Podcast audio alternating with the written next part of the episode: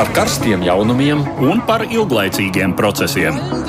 par idejām, par cilvēkiem, par naudu, Un par laiku, par abām mūsu planētas puslodēm. un lietojot abas smadzeņu puslodes. Ēterā raidījums divas puslodes. Jau pazīstams signāls un skaidra ir nākošā stundas ievirze. Šis būs raidījums divas puslodes, kad runājam par aktualitātēm pasaules politikā. Studijā esam mēs, Edvards Liniņš, Aidis Tomsons, un plašāk runāsim par šādiem tematiem. Interesanti un negaidīti notikumi vakar risinājušies Krievijā. Tur vienas dienas laikā paziņots par plānotām būtiskām izmaiņām konstitūcijā, atkāpusies valdība un jau nozīmēts nākamais premjerministrs. Eksperti ir vienisprātis, ka prezidents Putins tādā veidā gatavojas varas maiņai pēc četriem gadiem.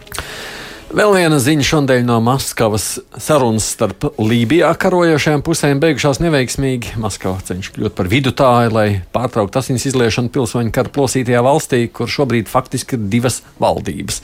Tomēr pagaidām pūliņi nav vainagojušies ar panākumiem. Savukārt Taivānā šķiet viss būs nemainīgi. Tur sestdien notikušajās vēlēšanās uzvarējusi līdz šim valdošā partija un tās prezidente Cai Invēņa. Taivānieši sargā savu neatkarību un nevēlas piedzīvot līdzīgu likteni kā Hongkonga. Studijā ar mums ir šobrīd viens kolēģis, tas ir Andris Kārklauks no Delfiem. Labdien! Un mēs gaidām, cerībā, ka viņam izdosies nokļūt līdz radio, kas ir Andris Sedlnieks no laikraksta diena. Viņam nepaveicās ceļā uz šejienu, ir salūzis autobuss, kustība esot atsākusies, vai cik ātri viņš nokļūs līdz radio. Ceļojot no Valmieras, no to grūti šobrīd ir pateikt. Bet mēs sākam vēl ar dažām ziņām īsumā.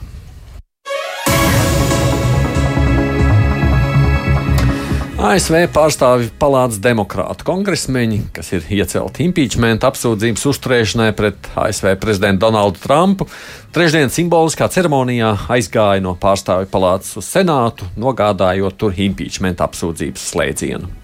Septiņi apsūdzības uzturētāji vēlreiz ieradīsies senātā arī šodien, ceturtdien, lai pēc senāta spīkera uzaicinājuma oficiāli nolasītu abus impeachment apsūdzības pantus. Un tagad senāts kļūs par impeachmenta tiesu trešo reizi ASV vēsturē. Tiesa paredzams, ka garš šis process nebūs, varētu ilgt vien divas nedēļas. Republikāņiem senātā ir vairākums, tādēļ praktiski nav iespējams, ka kongresa augšpalāta varētu nobalsot pār prezidenta atcelšanu no amata. Taču demokrāti cer, ka impeachment prāva var kaitēt Trumpa reputācijai un negatīvi ietekmēt viņa izredzes tikt pārvēlētam prezidenta amatā novembrī.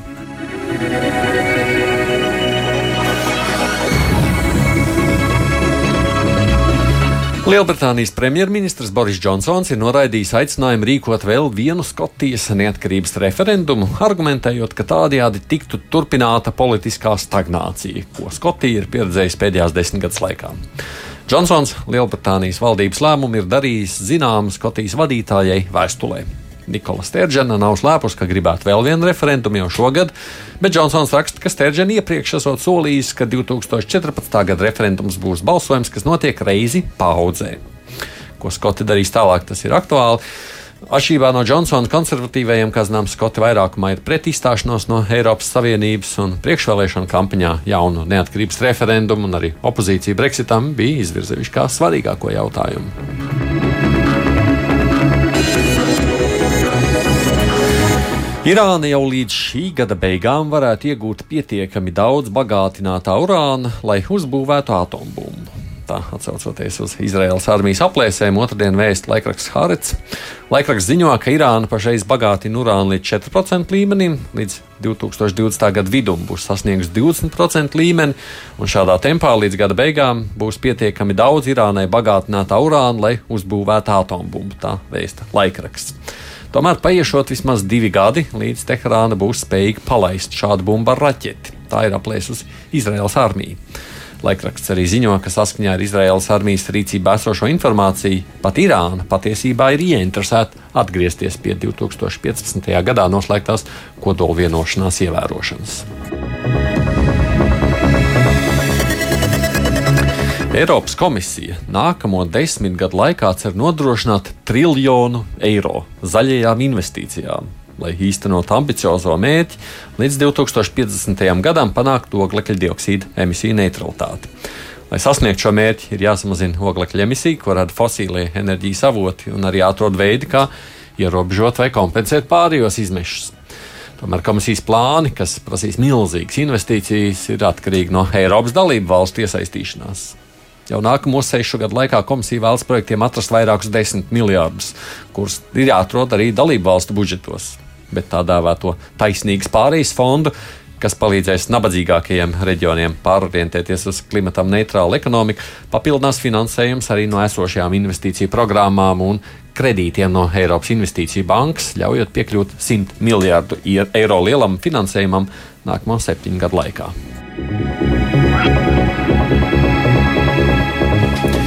Vairākus meža ugunsgrēkos smagi cietušos Austrālijas austrumu rajonus ceturtdien ir sasniedzis lietus, un lietains laiks tiek prognozēts arī turpmāk. Tādējādi beidzot raisot cerības, ka ugunsgrēks izdosies pakļaut kontrolē un apslāpēt. Ja un Dienvidvēlas štatā dažos ugunsgrēku apvidos pat ir bijušas pamatīgas lietus gāzes. Pērkona negaisa Melnburnā savukārt sekmēs to, ka pazūd ugunsgrēku dūmi, kas pilsētas macējuši kopš nedēļas sākuma.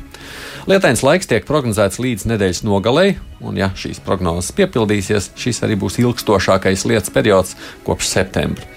Tās būs visas mūsu Ziemassvētku, dzimšanas dienu, sadarbināšanās, gada dienu, kāzu un absolvēšanas dāvanas saliktas kopā.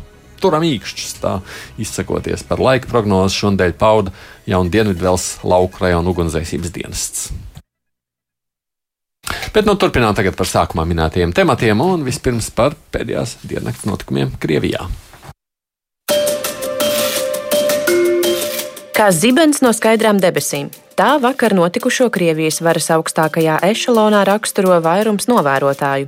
Pat daudziem ministriem, kuri vakar pēcpusdienā ieradās Kremlī uz kabineta sēdi ar prezidenta Putina piedalīšanos, pilnīgi negaidīts nāca premjerministra Dmitrija Medvedeva paziņojums par valdības demisiju. Šis valdības galvas solis sekoja dažas stundas pēc prezidenta Putina ikgadējās uzrunas Krievijas federālajai sapulcei abām valsts domas palātām. Tajā Putins anoncēja būtiskas izmaiņas konstitūcijā, kas būtu apstiprināmas referendumā. Galvenais ierosinājums skar valdības apstiprināšanas kārtību, šai ziņā būtiski palielinot parlamenta lomu uz prezidenta rēķina. Ja līdz šim valsts domas funkcijas aprobežojās ar saskaņojuma balsojumu prezidenta ieceltajam premjeram, tad pēc rosinātajām izmaiņām doma ne tikai apstiprinātu prezidenta nominēto premjera kandidātu, bet pēc tam arī premjera sastādīto kabinetu. Vēl viens ierosinājums skar paša prezidenta varas periodu, proti, tas tiktu ierobežots ar diviem termiņiem vispār, nevis diviem termiņiem pēc kārtas, kā tagad. Līdz ar to vairs nebūtu iespējama rokāda, kāda notika 2008. gadā, kad pēc diviem Putina termiņiem par valsts galvu kļuva Medvedevs, lai pēc viena termiņa atkal atdotu varas grožus to īstenajam saimniekam. Vairums komentētāji ir vienisprātis, ka plānotās reformas apliecina pirmkārt Putina lēmumu pamest prezidenta posteni 2024. gadā, bet otrkārt viņa apņēmību arī pēc tam saglabāt kontroli. Visdrīzāk šie pasākumi ir nodrošināšanās pret vairāk spēcīgu funkciju pārņēmēju, kurš varētu kļūt eksprezidentam bīstams. Vēl viens prezidenta ierosinājums ir oficiāla konstitucionāla statusa piešķiršana valsts padomei. Iespējams, ka nākotnē šī institūcija varētu kļūt par jaunu varas centru ar Vladimiru Putinu kā priekšsēdētāju. Tomēr visas šīs pārmaiņas ir ilglaicīgs process un neprasītu tūlītēju valdības demisiju. BBC korespondents Maskavā Stīvs Rozenbergs uz jautājumu, kāpēc tā notika, savā tvītā atbild: Velns viņu zina. Par jaunu Krievijas valdības vadītāju kļuvis uzticams Putina līdzgaitnieks, līdzšinējais federālā nodokļu dienesta vadītājs Mihails Mišušķins. Tikām nu jau ekspremjeram Medvedevam izveidots īpašs amats - drošības padomes sekretāra vietnieks. Drošības padome ir vēl viena prezidenta konsultatīva institūcija, taču tāds sastāvu nosaka prezidents pēc saviem ieskatiem, un reizēm tā tiek dēvēta par Putina personisko valdību. Atgādījums studijā šeit ir Andris Kārklu valks skaits, tad vakardienas notikumi bija negaidīti. Uh, tie bija minētais zibens no skaidra gaisa. Uh, un uh, līdzīgi kā bija izte, kā citēts, kā, kā, kas tagad ir gaidāms, un atbildi bija Vēlns viņa zina. Jo procesi ir ilgstoši, bet te tika minēts arī vairākas lietas, kas ir interesantas. Tas, ka mm. Medvedjevam bija jāatkāpjas, piemēram, uzreiz, kāpēc tā notika. Un nu, pēc iepriekšējās rokādes, tad, kad šī rokāde noslēdzās Putinam atgriežoties prezidenta krēslā, jau izskanēja tas, ka Medvedjevs ir bijis pārāk paticis tomēr tautai, lai gan viņš bija izvēlēts kā tāds samērā neitrāls tēls, viņš tomēr ieviest tādu jauneklīgumu un kaut ko novitātes pārvaldībā, un cilvēkiem viņš tomēr pārāk bija paticis. Lai, ne. un visticamāk, no viņa bija jāatbrīvojas. Tomēr nu, vēl 24. gads ir pārāk tālu. Tā kā, tās tādas spekulācijas, kāpēc šobrīd. Jā, nu, tās tiešām ir tādas spekulācijas. No vienas puses, patiešām uh, Mihails Mišuskins tādas eh, lielās politikas līmenī ir, var teikt, no piedurknes izvilkt, izvilkt džokers, jo um, nu, kurš no mums eh, līdz nesenam laikam bija ievērojis Krievijas politikā šo nodokļu dienesta vadītāju Mišuskinu? Es pieļauju, ka neviens. Uh, viņam gan esot tīri veiksmīgi, bet tā ir tiešām absolūti tehnokrātiska karjera. Lai gan līdzīga kāda bija Medvedjevam lielā mērā, pirms viņš kļuva par Krievijas prezidentu. Um, nu, tas ir, tā ir tāda zināma Puķina rokraksta konsekvence. Un faktiski ne tikai Puķina rokraksta, ļoti daudzi šais dienās atcerās notikumus tieši pirms 20 gadiem, kad savā jaungada uzrunā prezidents Jeļcins pateica vārdus jauhažu, es aizeju, un lūk, jums būs jaunais funkciju pārņēmējs, jaunais valsts vadītājs, kuru tobrīd arī neviens nepazina. Un sākumā pat saistīja ar viņu diezgan lielas cerības, ka varbūt viņš turpinās demokrātisku vai nu, katrā ziņā tādu attīstību pilsoniskās sabiedrības virzienā. Jā, tas, ka šobrīd atkāpjas Dmitrija Medvedeva valdība un pats uh, bijušais premjerministrs uh, teiksim, pauž, ka tas ir saistīts ar šīm plānotajām konstitucionālajām reformām, nu, tur gan trūkst tādas būtiskas loģikas. Jo ir vēl četri gadi. Mm, ja, mm, nu, ja Mišuskinu tiešām gatavo par um, nākamo Krievijas prezidentu, mm, nu, varbūt jā, viņam dod ļoti ilgu ieskrējiena laiku, um, bet uh, tas ir apšaubāmi, jo viņš, būdams Krievijas premjerministrs, var paspēt šai laikā um, sarūpēt sev gana daudz, gana daudz uh, tā sacīt, sliktas reputācijas.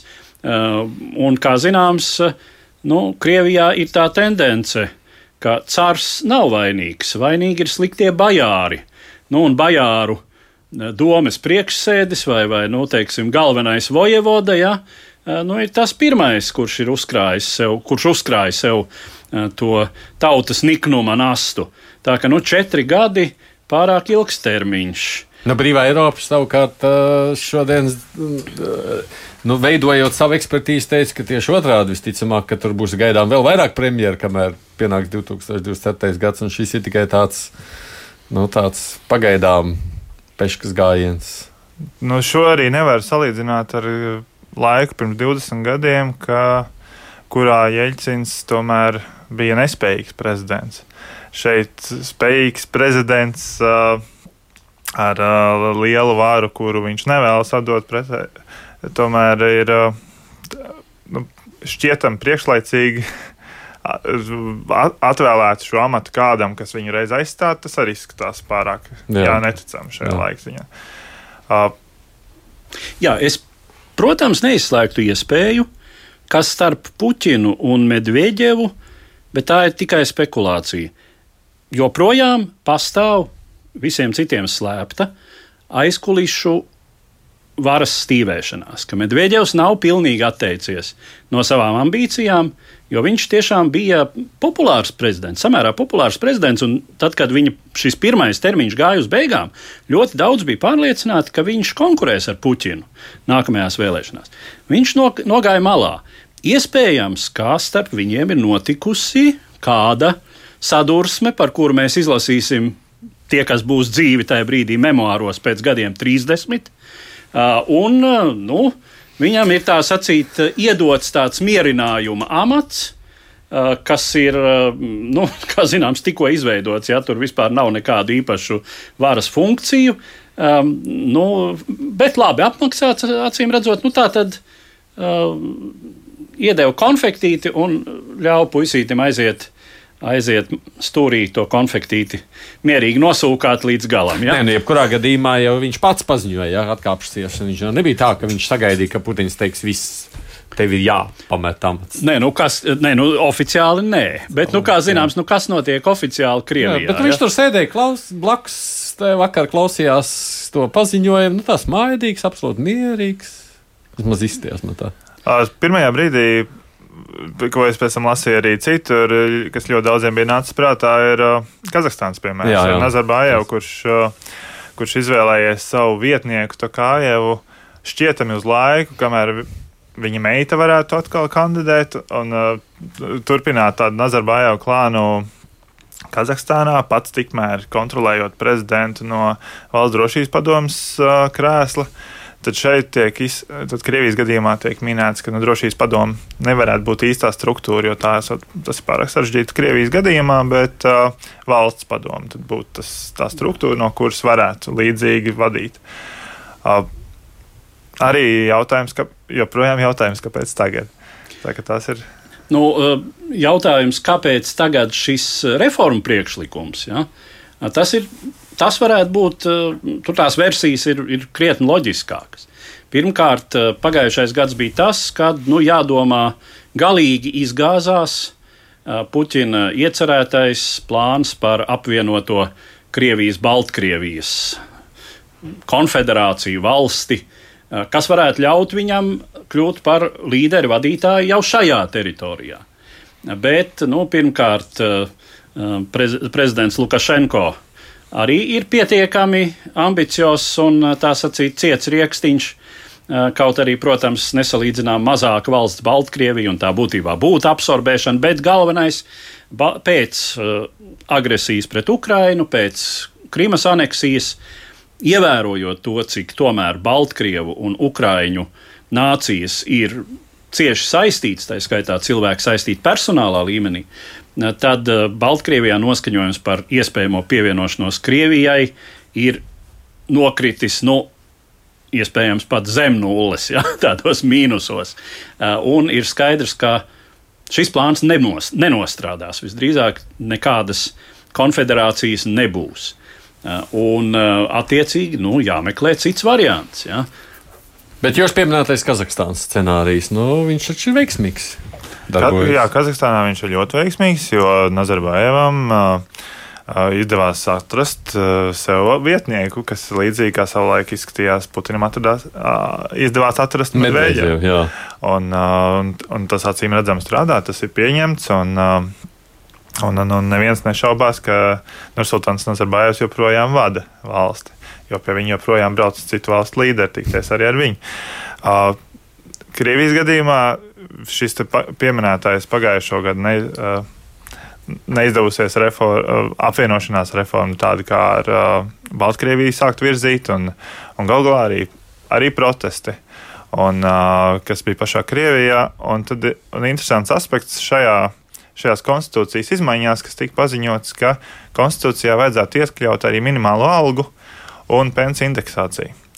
Es tas droši vien atklāsies tuvākajās dienās, bet vai tieši šis aspekts nebūs tas, kas vietējai publikai tiks pasniegts kā pats svarīgākais no šīm no, tā, tā jau arī saka, amerikāņi saka, ja, ja mēs skatāmies, kas, ko rāda Krievijas televīzija, kas ir būtiskākais.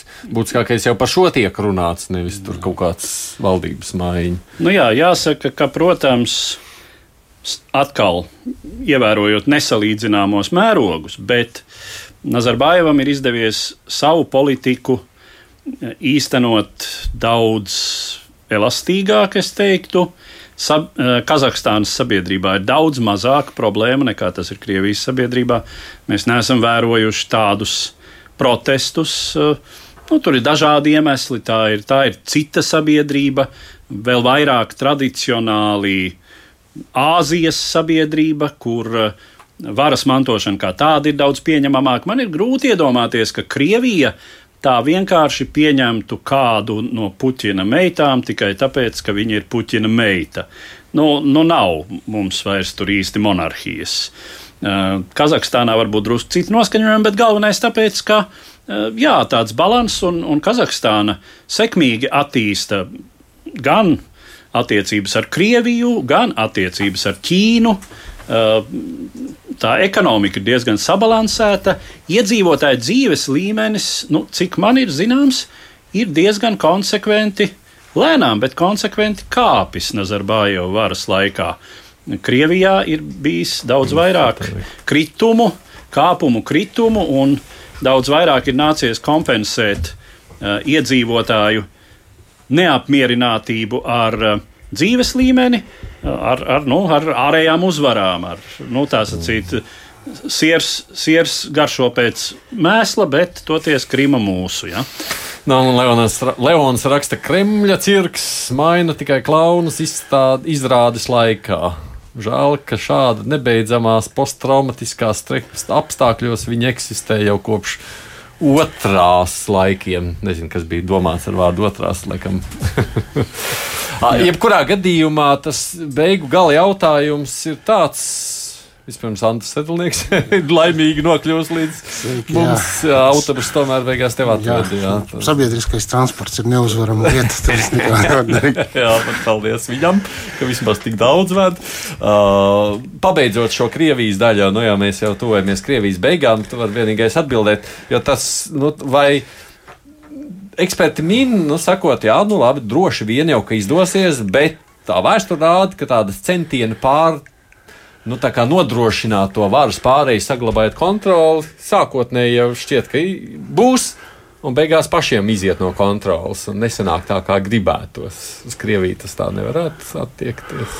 Nu, es domāju, ka Nazarbājevs uzskatām parādīs, cik tas ir vai nav efektīvi. Un tur jau Krievijā tur jau ir uzreiz vairāki faktori. Tur ir teiksim, šī te varas nodošana, stabilitātes saglabāšana šajā laikā. Tur ir uh, politiskās pēctecības nodrošināšana, politiskais kurs, lai paliktu nemainīgs. Un arī teiksim, uh, oficiālā teiksim, lielvaras varas statusa legalizēšanu valsts konstitūcijā, tur ir uzreiz liela kaudze zaķi. Un es domāju, ka kādu daļu jau viņi droši vien nošaus. Mm. Runājot par šo rezultātu kā tādu, mums taču tā gribētos, lai Krievija ir stabila. Kā, lai viņš vien tur Nē, nu, kontrolē, vai ne? Putins. Te ir, te ir tā, ka, nu, protams, gribētos, lai Krievija ir stabila. Nu, gribētos ir maigi teikt. Es domāju, gan mēs, gan arī no Krievijas robežām daudz tālākas valstis Eiropā ļoti negribētu Krievijas destabilizāciju. Ļoti negribētu arī, dzan, lai pie varas Krievijā nāktu kāds vēl mazāk prognozējams personāžs. Teiksim, nu, nedod Dievs kādu, kādu Ragozinu, piemēram, iedomāties Puķina vietā, kas nemaz nav tik nereāli. Ja? Un, nu, jā, tā kā, bet, bet protams, nu, nu, eh, mēs nevaram eh, arī nu, zināmā mērā nes, mēs nevaram nesimpatizēt eh, nu, tām demokrātiskajām tieksmēm, pilsoniskās sabiedrības veidošanas tieksmēm, kādas tomēr Krievijas sabiedrībā pastāv. Tā Agnēs rakstā, lielajās pilsētās noteikti atkal būs protests, kur tiks apspiest, un tad viss turpināsies. Tieši, tas ir scenārijs, kas ir noticis līdz šim vienmēr. Jā, bijis. Tas, nu, Labi, par Krieviju droši vien mēs runāsim. Es nezinu, cik. Tur jau laikam viss šitien beigsies ar šo stāstu. Tur nekādas pārmaiņas ātras. Nu, visdrīzāk, jā, šajā brīdī nav iemesla nekādām citām valdībām pārmaiņām. Šajā brīdī, jā, nebūs nekādas pārmaiņas. Mēs droši vien redzēsim ar laiku, ko tā valsts, ko nozīmēs valsts padomus stiprināšana. Hmm. Ko nozīmē tas? Es nezinu, vai tas tika apspriests, bet es vēl piebildīšu jautājums vēl par to, cik šajā jaunajā valdībā liela ietekme būs tā dēvētajam liberālajam blokam, lib, liberālajiem ekonomistiem un ko, jo, teiksim, Krievijas patriotiskajā presē valda diezgan liels pacēlums šajā sakarībā ar domu, ka šī prorietumnieciskie nelieši, ja, beidzot tiks smuki izlikti aiz durvīm, ja, un tagad mm. valsts turēs īsteni patrioti. À, nu tā varētu varbūt kāds secinājums izdarīt? Nu, tas būs, tas, kad tiks paziņots jā. jaunais valdības sastāvs. Jā. Jā, kas droši vien būs itin drīz. Labi, ejam tālāk, turpinot par tematiem. Tālāk, jāsaka, par Krieviju runājot, viņiem neveiksmīgi beidzās centieni būt par starpniekiem Lībijas konfliktā šajā nedēļā, un par to arī turpinām. Pirmdien Maskavā notika netiešas sarunas starp divām galvenajām Lībijas pilsoņu karā pretstāvošajām pusēm - apvienoto nāciju organizācijas atzītās Nacionālā izlīguma valdības vadītāju Fajezu Al-Sarradžu un tā saucamo Tubrukas valdības pārstāvi un šobrīd de facto reālo valdnieku lielākajā valsts daļā feldmaršalu Halifu Haftaru. Kā vidutāji sarunās piedalījās Krievijas un Turcijas pārstāvi, cik tā labas šīs valstis atbalsta attiecīgi Haftara un Sarraģa frakcijas Lībijas pilsoņu karā. Tika izstrādāta vienošanās par kara darbības pārtraukšanu, kuru eh, premjers Sarraģs parakstīja nekavējoties, taču feldmaršals Hafters lūdza laiku pārdomām. Bet otrdien vienošanos tā arī neparakstījis pameta Krievijas galvaspilsētu. Par spīti šai neveiksmē svētdien gaidāma nākamā sarunu kārta Berlīnē ar Vācijas pārstāvjiem pārstāvju piedalīšanos. Pēdējā Lībijas pilsoņu kara fāze aizsākās pagājušā gada aprīlī, kad feldmaršala Haftara komandētā Lībijas Nacionālā armija, kas kontrolē lielāko valsts daļu, uzsāka uzbrukumu Nacionālā izlīguma valdības spēkiem galvaspilsētā Tripolē. Jau drīz pēc tam Sarradža kabinets pameta galvaspilsētu, turpinādams darbību kaimiņu valstī Tunisijā, taču Tripole pagaidām turas pret Haftara spēku uzbrukumiem. Feldmaršala komandētie spēki nomināli pakāpē pakļaujas Lībijas pārstāvju palātas valdībai, kura darbojas valsts austrumos ar centru Tubrokā. Pārstāvju palāta ir likumdevēja institūcija, kas tika ievēlēta 2014. gada augustā, taču drīz bija spiesta pārtraukt darbību galvaspilsētā Tripolē, kurā iebruka vēlēšanās zaudējušie radikāli islāmiskie spēki. Tripolē tika atjaunota iepriekšējā islāmistu kontrolētā parlamenta ģenerālā nacionālā kongresa darbība. 2015. gada decembrī ar apvienoto nāciju starpniecību tika panākta vienošanās un izveidota kompromisa valdība ar Fajezu al-Sārraģu priekšgalā. Šo valdību atzina apvienoto nāciju organizācija, tomēr ātru vienošanos par jaunu vēlēšanu sarīkošanu tā arī neizdevās panākt. Tikām feldmaršals Hafters konsolidēja savu varu valsts austrumu daļā, nodrošināja sev Ēģiptes, Krievijas un vairāku citu valstu atbalstu. Sekmīgi apkarodams tās saucamo islāma kalifāta un citu radikālu grupu spēkus, viņš izpelnījās arī Savienoto valstu simpātijas. 2019. gada aprīlī galu galā tika noteikta Lībijas Nacionālās konferences sanākšana, lai organizētu vispārējas vēlēšanas. Taču desmit dienas pirms paredzētā datuma feldmaršala Haftara spēki uzsāka uzbrukumu Tripolei. Arvien noteiktāk izskan viedokļi, ka ietekmīgais feldmaršals īsteno pats savus varas plānus un šobrīd nav ieinteresēts situācijas stabilizācijā un miera procesā.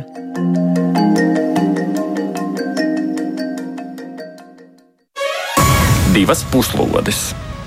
Atgādājot, studijā kopā ar mums Ants Kārklis no Delfīna, Ants Sedlnieks, Nekraks Diena, mēs arī ar Eduardu Liniņu. Līdzi, nu, tā ir tāda brutāla cīņa par varu, jā, Libijā. Nu, principā, jā, jo tur tā situācija ir tāda, saprotiet, Lībija ir būtībā mākslīga valsts. Ja, viņa sastāv no vismaz trim sastāvdaļām un vēl vairākiem desmitiem cilšu, kas pie nevienas varas nevienam praktiski nav pakļāvušās. Nu, tikai tā izrādījuši simbolisku lojalitāti. Šī trip, tripa Tripolitānija un kā saucās Kinenaīka. Ja?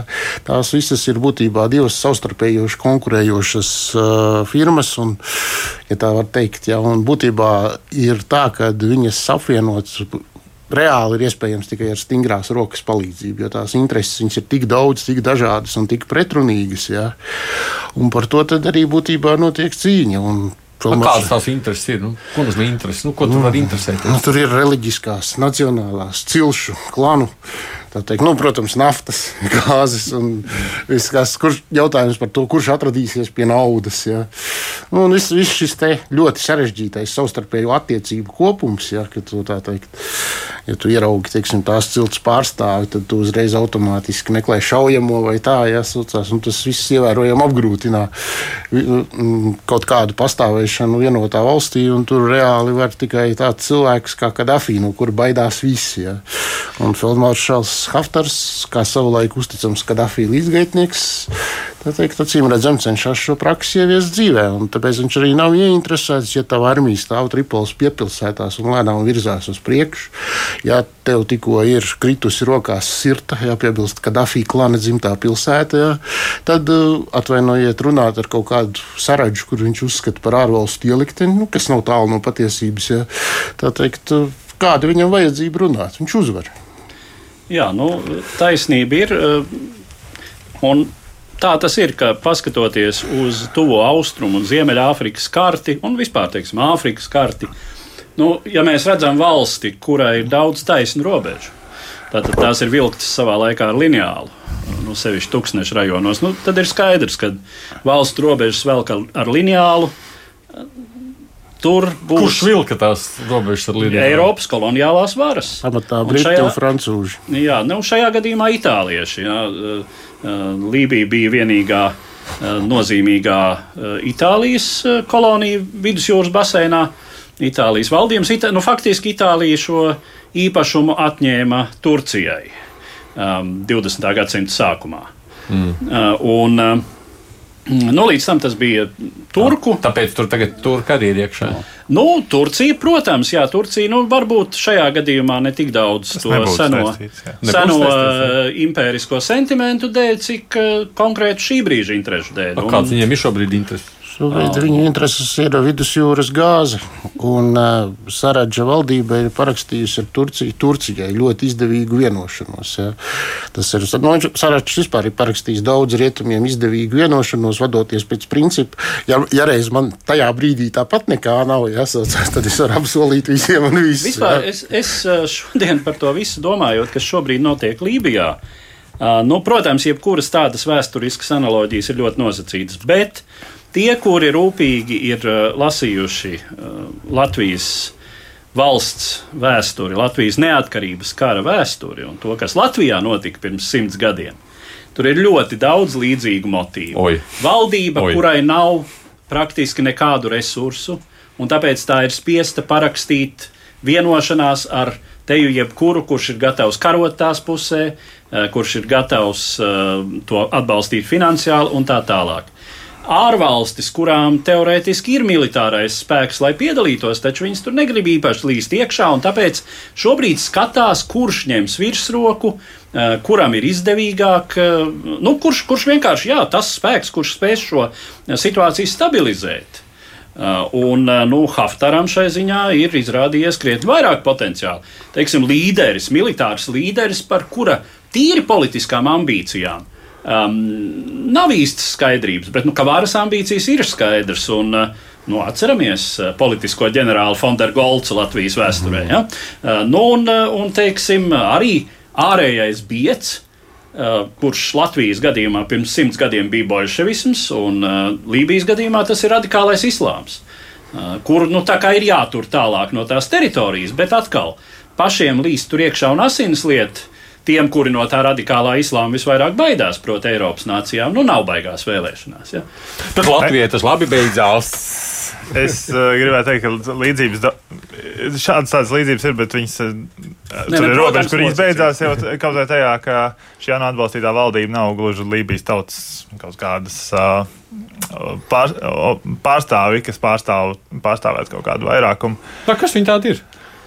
Ne, nu tā ir kompromisa valdība. Tā ir, tā ir kompromisa valdība, kur uh, pārstāv galvenokārt uh, viena reģiona, kas ir, aus, uh, kas ir valsts uh, rietumu reģiona ziemeļi, politiskās partijas, dažādas grupas. Un, un šo, šajā brīdī, kad ka viņi vien, vienu brīdi tika likta vienlīdzīgi kā Haftar valdība. Uh, Eiropa ir nonākusi tādās sprukās, un, un daudz ir nonākuši sprukās. Es domāju, visa, un, visa starptautiskā sabiedrība. Visa riet, rietumu sabiedrība nonākusi sprukās. Atzinuši to, ko nevajag? Jo arī Krievija ir atbalstījusi, sākotnēji atbalstīja no valdība. Krievija arī, joprojām ir. Nu, oficiāli tiek atbalstīta. Nu, tā gal galā ir ANO atbalstīta valdība, vai arī ANO drošības padomus atbalstīt valdību, ka, kuru kur pamazām valsts tomēr atkāpjas. Gan, gan Makrons ir runā ar Haftaru, gan, gan, gan visticamāk, ka uh, drīz arī citi sapratīs, ka tomēr Haftars ir tā atbilde. Lab, labāka, labāka. Jo, jo Haftars ir skaidri parādījis, ka jā, tā, tā kā kolēģis minēja, ka mēs esam pie Tripolis vārtiem. Jā, šis spēku samērs šobrīd militāri ir pat diezgan līdzīgs. Lai, lai cik tas, jo tāds, kā tiek lēsts, abās pusēs ir 25,000 vietējo algotņu, plus, plus šajā gadījumā vienā pusē stāv Turcijas spēki, kas ironiskā kārtā ir diezgan daudz. Tie ir Lībijas, nevis Lībijas, bet Sīrijas šie te Bašara al-Asada opozīcijas spēki, kas karo arī Idlibā, un viņi tiek pārcelt uz Lībiju, karot tur, Turcijas pusē, ANO valdības pusē. Otrā pusē ir kaut kādi Krievijas konsultanti, bet ir runa arī par Wagneriešiem, ir runa arī par Krievijas algotņiem. Tāda Un, un, un militāri tas būtu vienlīdzīgi, bet no tāda faktiskā, kuram kas jau pieder, Haftar valdība kontrolē faktiski visu naftas, gāzes iegūst tīklu šobrīd. Jā. Kāpēc tur vairs kaut ko postīt, ja, vi, ja vienam jau ir kontrole pār visu? Bet tad jau turki nav pārāk gudri, ka viņi tur ielīduši, ne? Nu, Viņi ir aizsūtījuši 35 militāros konsultantus. Viņi jau paši tur ir. Bet ar lielu pompu. Jā, bet, nu, tas jau ir. Nē, nē, nu, ir tiek runāts par 2000 vīru lielu ātrās reaģēšanas kontingentu, kurš, ja to lūgs, varētu tur tikt iesaistīts. Pagaidām tāds lūgums nav izskanējis no tātad, šīs Nacionālā izlīguma valdības puses. Te ir vēl viens aspekts, proti, tas, ka Feldmaršals Haftars ir pārliecināts anti-islāmists, pārliecināts sekulārists um, militārs ģenerālis, uh, kurš kā daudzi līdzīgi ģenerāļi, pulkveži tojos austrumos ar militāras diktatūras palīdzību nospiež uh, radikālā islāma briesmas. Uh, būtībā stāsts, kas, um, kas tādā vai citādā variācijā ir attiecināms uz Sīriju, uz Irāku, uz Turciju galu galā, lielā mērā tā, ka um, tas ir vēl viens ļoti nozīmīgs moments, kur pretim šajā uh, Nacionālā izlīguma valdībā ir gana daudz pro-islāmisku, varbūt ne pašu radikālāko, bet islāmiski noskaņot elementu. Un, un šī, šis parlaments, ja, kurš, uh, kurš bija ievēlēts pirms 2014. gada krīzes, tajā dominēja uh, nu, spēki, kas ir saistīti ar Eģiptes musulmaņu brālību ar, un ar citiem samērā radikāliem uh, islāmistu spēkiem. Aigars saka, bet tur ir tāda Kremļa marionetes ar solījumu, ja Kremļa algotu brigāde pārņems varu, tad atļaus tirgot energoresursus. Bet tā turku parādīšanās Tripolē ir izmainījusi visu. Nu, tur ar to Krieviju tur ir ļoti interesanti. Jā. Bija šis fórums Krievijā, Āfrikā, un tur ieradās arī Saračs. Viņam bija tas gods tikties ar pašu biedru Putinu personiski. Haftars ar Putinu nav ticies. Ja. Oh. Bet uh, pēc visas spriežot, ja, tas Saračs arī ir apsolījis, ka visas Krievijas intereses tiks ievērotas tāpat kā Haftars. Un, nu, var sakot, būtībā ir tā, ka uh, principā, piemēram, Maskava uztur labas attiecības plus mīnus ar abiem jāsaucās. Un, par tiem algotņiem tur nav īstas skaidrības, ko un kā. Ja? Bet, principā, es saprotu, ka tā likme tomēr tiek likta uz Haftaru, ja saucās cipa, jo, nu, ko tur ķēpāties ar zaudētāju, arī, ko ir uzvarētājs, un ar to mēs arī tad. Bet tu jūs visi trīs viensprāts, ka viņš ir zaudētājs, jā, tā oficiālā tripola. Mm. Oficiālā tripola daudzējādā ziņā atpaliek, jo Haftars ir ne tikai līdzgaitnieks savulaik. Uh, Bet viņš ir arī pēc tam bijis opozicionārs. Viņš ir dzīvojis trimdā, viņš atgriezās kā jau opozīcijas viens no līderiem. Kādā Afrikā? Jā, viņam ir Amerikas jā, pilsonības. Viņš, uh, viņš tā kā atgriezās jau vadīt opozīcijas spēkus. Līdz ar to viņam ir atbalsts ļoti lielā daļā armijas, kas pārbēga opozīcijas pusē. Savukārt ANO atbalstītajai valdībai jau nav savu spēku. Tie ir dažādi grupējumi, no kuriem ne visi atbalsta šo valdību, bet viņi ir pret Haftaru. Tā kā viņi karo vienā frontes pusē, bet tur nav vienprātības par to spēku vidū, ka mēs atbalstam lūk, šo ANO valdību. ANO valdība nekontrolē šos spēkus. Jā, bet nu, te vēlreiz zināmā mērā atkārtojot to, kas jau ir izskanējis, tā īpatnība ir tāda, ka paralēli militārajiem procesiem visu laiku turpinās politiski procesi. Respektīvi, nu, gandrīz vai tā, ka vienu mēnesi pašaudās, un tad atkal kopīgi sanāk parlamenta sēžu zālē un debatē. Nu, piemēram, tā pati, tas pats. Ah, nu jau es šos nosaukumos esmu drusku sapinies. Nu, tā tad Tripoles valdības, respektīvi, ne, um, šīs um, austrumu daļas valdības. Uh, Tobruka. Tobrukas, jā, Tobrukas valdības, uh, nu, teiksim, uh, Tobrukas valdību izveidojušais parlaments. Ja, pagājušajā gadā divas reizes sanāca nu, drusku atšķirīgā sastāvā, bet, bet šie ievēlētie deputāti sanāca Tripolē uz, uz sēdēm. Ja, kādu laiku tur dažas, dažas konstitucionālas darbības veica. Ja. Nu, nu arī tā tad. Vienīgais, pabeidzot šo jābeidz, mums vēl Taivānas grib pieminēt, ir, ka Eiropa varbūt prātīgi dara, kas stāv malā no tā visa. Eiropa prātīgi dara šķietami pagaidām, kamēr piemēram, varu nepārņem, ja nevis varu nepārņem, bet izrādās, ka Haftars uzvar un lielākais partners ir Krievija. Tajā brīdī Eiropa ir ļoti liels zaudētājs vai lielākais partners uzvar. Teorētiski uzvarā no šī valdības puses, un lielākais atbalstītājs ir Turcija. Mums jāsāk skatīties, tas, laicīgi Haftaru tajā malā, virzienā. tas varētu būt ilgtermiņā tomēr zaudējums. Jāsāk draudzēties ar uzvarētāju. Es tomēr teiktu, ka nu, tur tas jautājums ir, teiksim, tur konsultācijas notiek ar abiem. Amerikāņi ir neoficiāli konsultējušies ar Haftaru, ko tad vīrs īsti domā darīt un kādu redz nākotni. Francūži konsultējās ar Haftaru. Tā kā pasaules gals nepienāks, ja viņš uzvarēs. Nu, bet Eiropai tas, nu, tāds, teiksim, ir mor, drusku morāls trieciens, ka mēs ne to atbalstījām. Ja? Bet tas ieguvums, ja, kad ja tur būs stingrā roka, tad apstāsies arī visas bēgļu laivas un tā tālāk. Tā kā nā, nākamās sarunas ir Eiropā. Okay. Par citu tematu dodamies neklātienē citā virzienā uz Taivānu. Zīdziņpiņa Taivānas sapņa gals.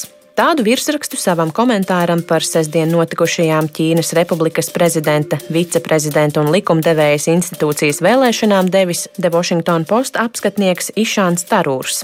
Vēlēšanās pārliecinošu uzvaru svinēja arī līdz šim Ķīnas republikā, respektīvi Taivānā pie varas bijusī Demokrātiskā progresīvā partija un tās līdere prezidente Cai Iņveņa.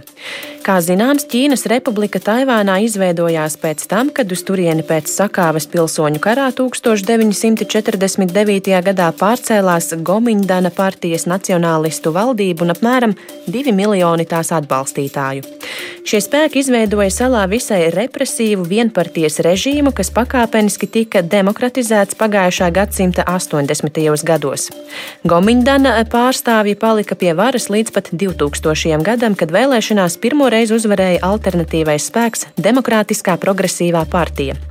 Principiālā atšķirība abu partiju starpā ir tā, ka Gomindans joprojām konsekventi aizstāv Ķīnas Republikas konstitūcijā nostiprināto principu, ka Taivāna un kontinentālā Ķīna ir vienota suverēna teritorija.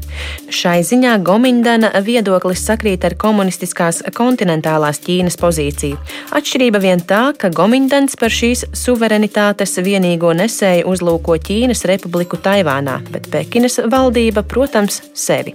Savukārt Savukārt Demokrātiskā progresīvā partija iestājas par de facto pastāvošās situācijas leģitimāciju, proti Taivānas pasludināšanu par suverēnu ar kontinentālo Ķīnu nesaistītu valsti. Tādējādi zustu starptautiski tiesiskais pamats abu Ķīnas daļu atkal apvienošanai, par kādu nepārprotami sapņo Pekinā. Komunistiskās Ķīnas valdība nereizi vien pēdējās desmitgadēs uzsvērusi, ka vienīgā iespējamā Taivānas statusa maiņa ir atgriešanās Ķīnas valsts sastāvā, un ka tas varētu notikt īstenojot Hongkongai līdzīgu vienas valsts, divas sistēmas modeli. Bet domājams, tieši pēdējā gada notikumi Hongkongā ir viens no faktoriem, kas nodrošinājis Cai Iņveņas un viņas partijas uzvaru vēlēšanās.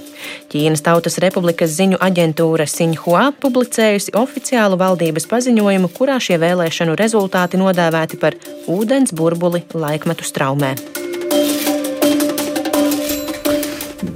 Tad Taivāna ir neatkarīga valsts. Ne, neatkarīga teritorija. Ne, nu, izskaidrojiet, kas ir Taivāna. Taivāna, Taivāna Latvija neatzīst kā gluži neatkarīga valsts, bet Taivāna de facto darbojas, ir neatkarīga valsts. Un šīs vēlēšanas bija ļoti interesantas no tā, šeit pieminētais, Ķīnas citāts, ka, ka tas ir tikai burbulis laikmeta straumē, šis burbulis acīm redzami ļoti izturīgs, jo tie balsotāji, kas šoreiz bija atbalstīja Caiņveņu, un kas ir ļoti anti-Ķīnas viedokli, bija tieši gados jaunākie. Un turklāt viņi saņēma tādu atbalstu, kāds, kādu nav saņēmis neviens iepriekšējais prezidents, gan 60%, kas ir ļoti iespaidīgs cipars. Turklāt redzams, ka nāk jaunā paudze, jaunai paudzē vai šī turēšanās pie tā, ka mēs esam vienoti tikai Taivānā. Tā, ka mums ir vajadzi, vajag visu teritoriju, bet tā, no Taivānas mēs, Taivānā ir īstā teritorijas valdība. Uh, tas viedoklis ir uh, paliek aizvien mazāk populārs, kamēr aizvien populārāks acīm redzam ir viedoklis, ka mēs de facto esam valsts šajā salā un vēl vairākās salās. Un mums tas ir, mēs mums šis ir centrs, un tas mums ir jānotur, un mums jā, jāveido starptautiskās attiecības no šīs perspektīvas. Tur kaut kādas paralēlas ar Dienvidosetiju vai Abhāziju un Grūziju var Tur ir variants tāds, ka principā pēc starptautiskās diplomātijas var izvēlēties tikai vienu Ķīnu, kur atzīt, jo viņas abas divas ir sev pasludinājušas, ka viņas, ka viņas ir Ķīna. Ka viņas ir vienīgās pareizās no, Ķīnas. No, no manas izpratnes, nu, cik es zinu par Ķīnu, man liekas, Ķīna, Ķīna. Ko jā, tur vēl nu, kas tā par Ķīnu? Nu, tieši tāda pati izpratne kā, kā Sīdziņķina. Bet ir kaut kur nepilnas 20. Šķiet, šķiet mazāk par 20 valstīm tomēr uzskata Taivānu, bet nu, tur ir tā teikt. Uh, 14 šobrīd. Še, šī, šī priekšvēsture ir tāda, ka tūlīt pēc otrā pasaules kara.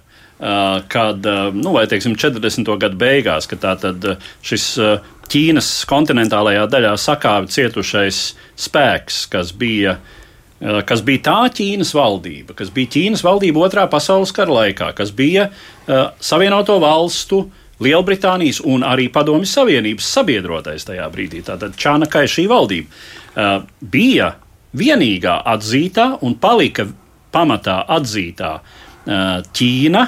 Uh, Taiskaitā apvienoto nāciju organizācijas dibinātāja valsts locekle un drošības padomus pastāvīgā locekle līdz 1971. gadam. Kad nu, realitāte ir tāda, kāda tā ir. Ja? Spēku samēri, apjomu samēri, uh, Ķīna, kura tomēr kļūst ekonomiski arvien spēcīgāka un arvien interesantāka gan rietumu lielu valstīm um, un tā tālāk. Nu, skaidrs, Nē. notiek neizbēgamais, lielā mērā neizbēgamais, un uh, Taivāna zaudē šo statusu. Bet vai mēs varam sacīt, tas nozīmē nākotnē, piežot no šīm vēlēšanu rezultātiem, nu, faktiski Taivāna tā kā būs atsevišķa valsts. No Taivānas perspektīvas viņi aizvien vairāk iet uz to, ka viņi stiprinās militāri, viņi meklē. Viņi vēlas meklēt aizvien vairāk partnerus. Viņi še, tieši pēdējos gados partnerus zaudē, jo Ķīna ir ļoti spēcīga uh, ekonomika, kas ļoti daudz simpatizē. Un, uh, un tie pēdējie palikušie jau galvenokārt bija uh, Centrāla Amerikas valsts, dažādas salu valsts, Āfrikas valsts, kuras ir tās pēdējās, kuras šobrīd viena pēc otras iekaro Ķīnas investīcijas. Mm -hmm. Un Taivāna šajā gadījumā nu, vienkārši ir spiest noskatīties, bet nu, viņiem ir taipējas uh, misijas arī tepat Rīgā. Viņiem ir taipējas misijas visur Eiropā, Amerikā un uh, gal galā viņiem ir ASV militārais atbalsts līdz šim uz vietas. Uh, Taivānā. Bet ir jau tā, ka cilvēkiem gribas dzīvot labi. Ne? Nu, tā salīdzinot. Taivānā cilvēki dzīvo joprojām krietni labāk nekā vidēji kontinentā. Nu, tas ir tas jautājums, kā tā tad sanāk. Jo no vienas puses mēs jau skatāmies kā uz Ķīnu, kā oh, tur viss nākotnē, redz, ekonomiski plaukst, un kur tāda maza Taivāniņa tur. Ir viena nianses, ievērojama no. daļa tās labklājības nāk uz e- lielās Ķīnas rēķina, un šī iemesla dēļ vēl salīdzinoši nesen pastāvēja nopietnas bažas, kā tie spēki, kuri tā teikt, principā ir par atkal apvienošanos ar Ķīnu, ka viņi kļūst aizvien populārāki un kad viņu ietekme aizvien pieaug. Bet nu, viss šis saudabīgais jandāliņš Hongkongā teikt, ir diezgan stipri mainījis šo te tendenci. Jo to, kas palika otrais, es to vārdu, es šos vārdus nekad nevaru izrunāt. Ja? mm, viņš principā iestājās par apvienošanos ar Ķīnu. Par apvienošanos. Viņš tur, tur bija atsevišķi momenti, kad par Nu, apvienošanos. teiksim tā, par, par iespēju par to runāt. Jā. Nu, ne jau tā, ka uzreiz rīt un uz pusdienu Jā, laiku, jā, jā, bet eh, tā jā. teikt, ka principā tā teikt, ka it kā es tā kā neiebilstu. Proti, no ekonomiski, faktiski labklājība balstās uz Ķīnu, bet mēs negribam tikai būt daļa no Ķīnas. Tā, tā to varētu. Nu, Taivānai, protams, arī ir pietiekams ekonomiskais potenciāls, lai viņi varētu būt eh, Neatkarīgi. Ne, nu, katrā ziņā ekonomiski nebūt ne vājāk, un viņi arī šobrīd nav ekonomiski daudz vājāk, piemēram, par tādu Singapūru vai nu, Dienvidkoreju drusku lielāku apjomu. Ja?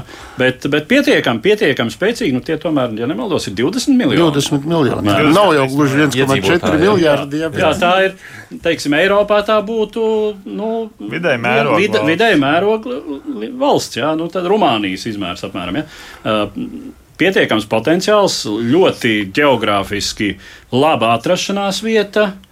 Um, tā kā um, Taivānas, um, Taivānas suverenitātei ekonomiski potenciāls ir absolūti pietiekams. Uh, un būtībā vienīgais, kas attur šobrīd droši vien no kādas radikāla risinājuma, ir tas, ka jā, um, Taivāna savā konstitūcijā ierakstīs, ka nevis tā ir valsts, kas pretendē kādreiz atkal kļūt par, uh, teiksim, uh, vienotas Ķīnas.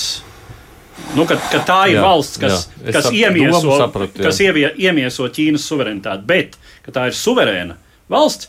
Nu, teorētiski tas var izraisīt eh, kontinentālās Ķīnas pat militāru agresiju.